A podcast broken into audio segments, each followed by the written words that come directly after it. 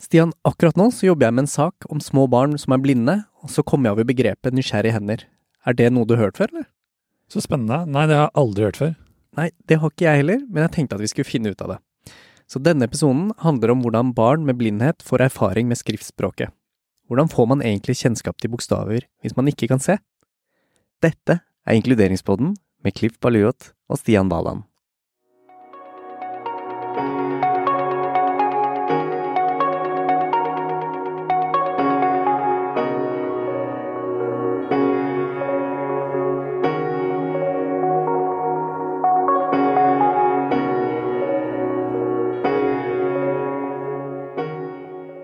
Der har man jo store, den store utfordringa. Jeg har et barnebarn på to år. Jeg tenker mange på hva han har sett av bokstaver i sitt liv. ikke sant? Han har sett bokstavene i, i bøkene til storebrødrene, han ser at det står Rema på Rema, han ser at det står Volvo på Volvoen. Mens et blindt barn får jo ikke den tilgangen til de her bokstavene hele tida.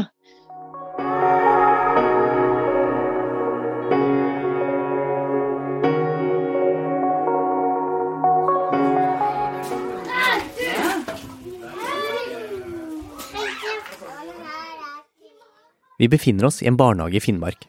Barnehagen ligger på et sted med praktfull beliggenhet, omringet av natur og utsikt til fjorden. Og her finner vi Ada, en femåring med en synsnedsettelse som gjør at hun ikke kan lese skrift med øynene, og derfor skal lære seg punktskrift. Spesialpedagog Anne Karlsen Benum forteller om når barnehagen begynte med punktskrift, og at det ikke var så enkelt å begynne med som de hadde tenkt. Jeg leste meg jo opp, og jeg så på videoforelesninger og alle steder i alle foredrag og bøker sånn at merk alt, merk alt med punktskrift. Og vi hadde ingenting å merke ting med punktskrift med. Det eneste vi hadde var en sånn gammeldags Dymo-apparat vet du, der du trykker gjennom en bokstav. Og de etikettene de ble så bua og så harde at de spratt av. Jeg hadde sånne etiketter på klærne og jeg fant dem igjen i senga hjemme og overalt. Funka ikke.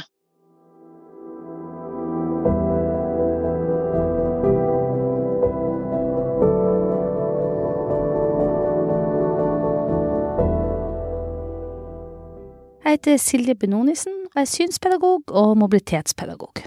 Silje er seniorrådgiver i Statped og jobber med barn med synstap. Eh, synsvansker kan egentlig være flere ting.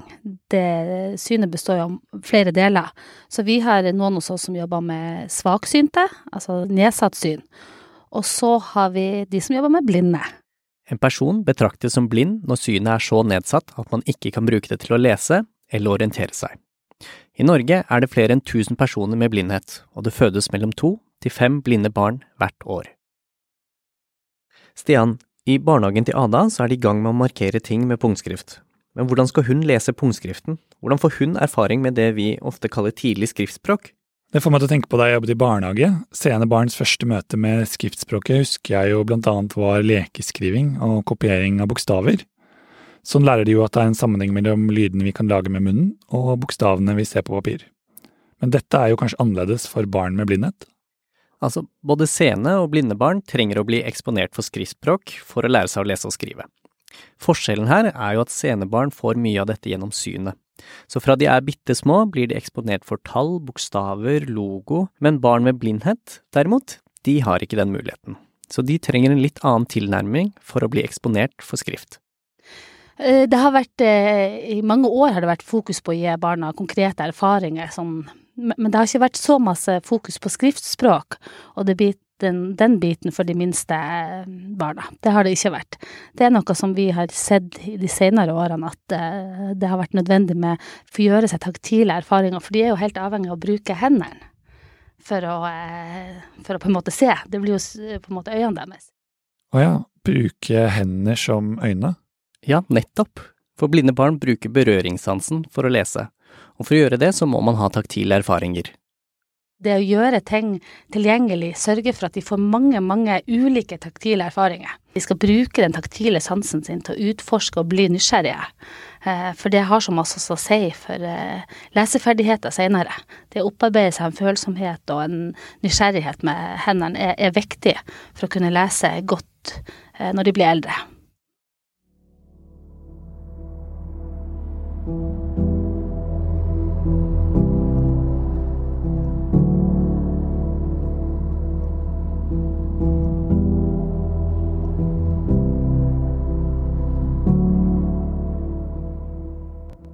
Det gamle Dymo-apparatet de brukte i Ada sin barnehage, ble etter hvert byttet ut med bedre og mer anvendelig utstyr. Men før det i det hele tatt var aktuelt å begynne med punktskrift, var det nødvendig å gi Ada positive erfaringer med det taktile. Ada sleit nemlig med at hun helst ikke ville ta på ting. Hun syntes det var ekkelt og skummelt. Og da igjen måtte man jo begynne å finne ut hva er det hun syns er gøy. Jeg fant ut jo, vann, vann er gøy. Så da tok vi svamper i vann som hun fikk klemme på, ikke sant. Så starta vi med det. Og så har vi hatt finne ting i kaffebønner. Kaffebønner er litt myke og lette å finne, og gjemme ting nedi en stor bolle full av kaffebønner og finne igjen, kjenne igjen ting nedi. Med tida ble Ada mer og mer komfortabel med å bruke hendene. Hun ble gradvis introdusert for bokstaver og lærte raskt sammenhengen mellom bokstav og lyd. Snart fikk hun tilgang til nyere utstyr, og begeistringen, den var stor. Ja, så Hun bare syntes det var så gøy.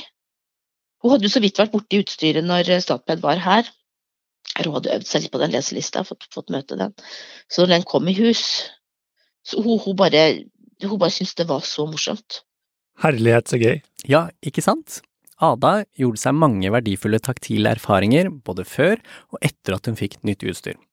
Og disse erfaringene de kommer godt med når hun skal begynne å lese og skrive med punktskrift. Men hva er egentlig punktskrift? Punktskrift er en skriftform og et skriftsystem der en kan bruke fingrene til å lese. Hver bokstav består av en celle med seks opphøyde punkter. Se for deg sekseren på en terning. Ulike kombinasjoner av disse punktene utgjør ulike bokstaver, tall og tegn. Så N på ett punkt, det punktet hvis du bruker eh, punktet øverst til venstre, så er det en A. Punktet under, som da blir punkt to, hvis du har E punkt én og punkt to, så blir det en B. Så sånn er, er alfabetet satt sammen med ulike kombinasjoner av, av punktene. Det er flere måter å produsere punktskrift på. Man kan for eksempel bruke en punktskriftmaskin, enten en mekanisk eller en elektrisk. Hvis du skal skrive ut tekst fra PC, kan du bruke punktskriver, og hvis du trenger merker med punkt, da kan du bruke en label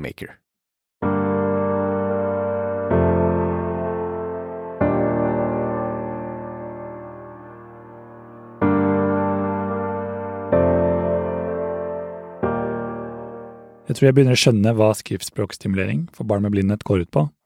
For det er jo her dette med nysgjerrige hender kommer inn igjen. Det handler om å få erfaring med å bruke berøringssansen. Ja, senebarn får erfaring med bokstaver, gratis på en måte, gjennom synet, mens blinde barn gjør altså dette ved å bruke berøringssansen.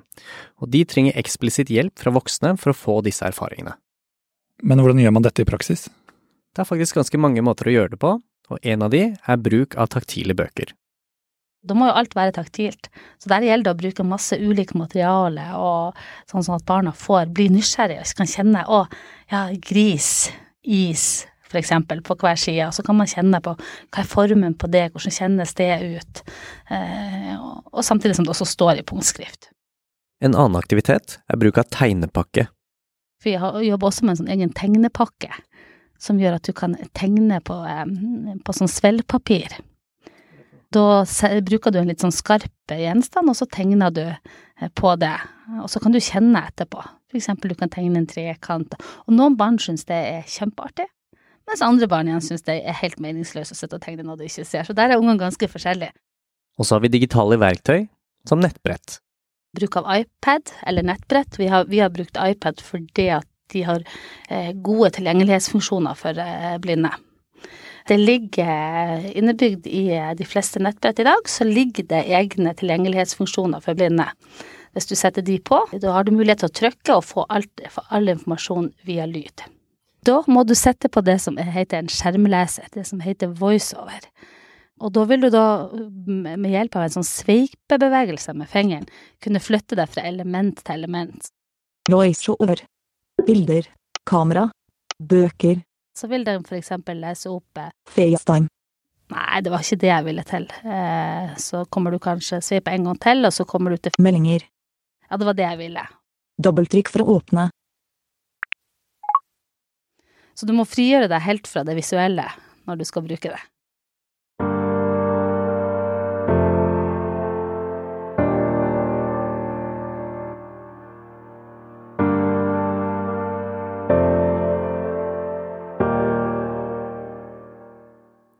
Disse ressursene er viktige for den begynnende leseopplæringen, men det er også en vei inn i et fellesskap. Det skal skje i, med inkludering. Det skal være en måte eh, å gjøre aktiviteter tilgjengelig for de barna som ikke ser. At de kan gjøre samme type aktiviteter eh, som barn som ser, på sin måte. Men at man kan gjøre det sammen. Og det er jo også mange har vært litt sånn skeptiske i forhold til det med digitale verktøy og den biten der, ja, men skal det inn i barnehagen, og eh, tenker at det blir det, det blir kanskje barnet sittende og trene og blir mye for seg sjøl, men det er jo ikke det, det er jo heller det motsatte som er hensikten, at man kan jo ha noe som man gjør sammen. Det kan man med, med, med eksempel et nettbrett, så kan man gjøre det sammen, man kan spille sammen, eh, selv om man eh, er blind og spiller med en scene det er artig, selvfølgelig, for alt teknologisk er jo spennende. Det øyeblikket det dukker opp en PC eller et eller annet, så vil de jo. Så vi prøver jo så godt vi kan å ta for, Eller vi prøver ikke, å tenker jo ikke egentlig sånn heller. Vi prøver jo å tenke at hun skal kunne skrive når de andre ungene skriver. Så når de andre ungene skriver, så har hun den samme muligheten. At det blir en ting som man kan gjøre sammen. For det er klart, når du ikke ser, så kan det være vanskelig, den sosiale biten og det å ta kontakt, eh, finne de andre, eh, følge med i leken. Men vi vet jo at eh, ting som er strukturert, og som foregår på en plass, og som er litt forutsigbart, eh, da er det mye enklere å henge med. Og en sånn type aktivitet der man sitter og spiller en lydlotto, eller spiller musikk, eller har hver sin tur og velger sang, eh, en sånn type ting, da blir det enklere for det barnet som ikke ser å delta også.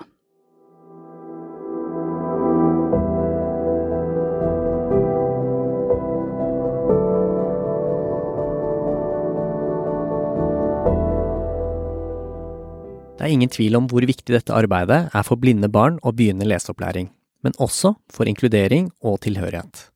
Absolutt, det er så viktig. Det er inkluderende fordi det er tidlig skriftspråklige aktiviteter som alle barna kan gjøre sammen.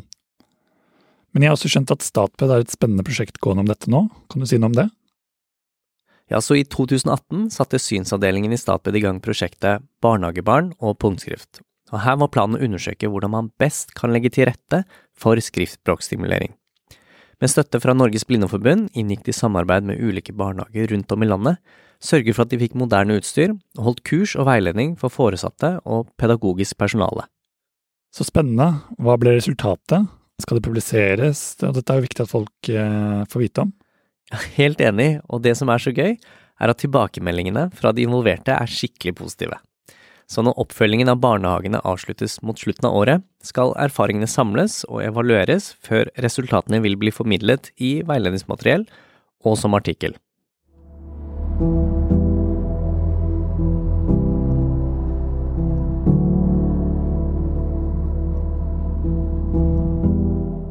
Jeg blir så imponert når jeg hører om den barnehagen. Det virker som de har gjort mange riktige vurderinger, funnet gode løsninger og turt å prioritere etter Ada sine behov.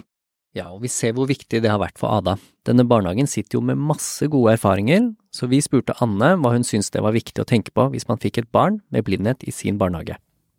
Hvis det er første gang man får et barn med synsvansker, så er det jo litt sånn wow, hva gjør vi nå? Men for det første, det viktigste er å tenke at barnet ikke går i stykker. At man ikke skal være livredd for å gjøre en masse feil, og ikke, ikke tenke at man må føye barnet i ett og alt, eller bære barnet gjennom livet, for det kan man ikke. Og så må man være kreativ, og man må være kreativ ut ifra barnet sine ønsker og behov. Det har jeg sett veldig. At jeg tror ikke det finnes noen bok eller noen oppskrift som kan si at da gjør du sånn og sånn. For alle barn er jo helt forskjellige, og blinde barn er like individuelle som alle andre barn. Man må på en måte tune seg inn på ungen og så være kreativ. Finne på ting ut ifra hvor ungen er, og ut ifra hva som funker i den barnehagen. Og når du kommer så langsomt til det her med å få tak i utstyr og sånt, så må man ikke Jeg, jeg vet jo ikke, det er jo regler og Nav og alt mulig rart sånt, men når man får utstyr, teknisk utstyr og sånne ting, så må det være tilgjengelig. Man må ikke tenke at det skal stå på et sånn spesialpedagogisk rom eller et eller annet. Man må prøve så vidt mulig å ha det tilgjengelig der. Det er det barnet er, og det er de andre barna er. Det er i hvert fall et godt tips. Altså, det er masse muligheter. Ikke tenk på det som en begrensning eller et problem, men tenk på det som en mulighet. Det er jo det det er.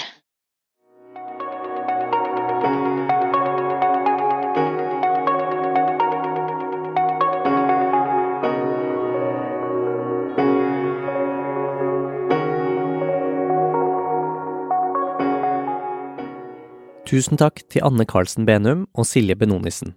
Vil du lære mer om temaet i denne episoden, kan du gå inn på statped.no podkast. Der finner du tegnspråktolket og transkribert versjon og oversikt over flere episoder. For mer info om spesialpedagogikk og Statped sine tjenester, se statped.no. Inkluderingspodden er produsert av Statped ved Cliff Baluot, Stian Valand og produsent Ragnhild Tornam. Ansvarlig redaktør er Tone Mørk.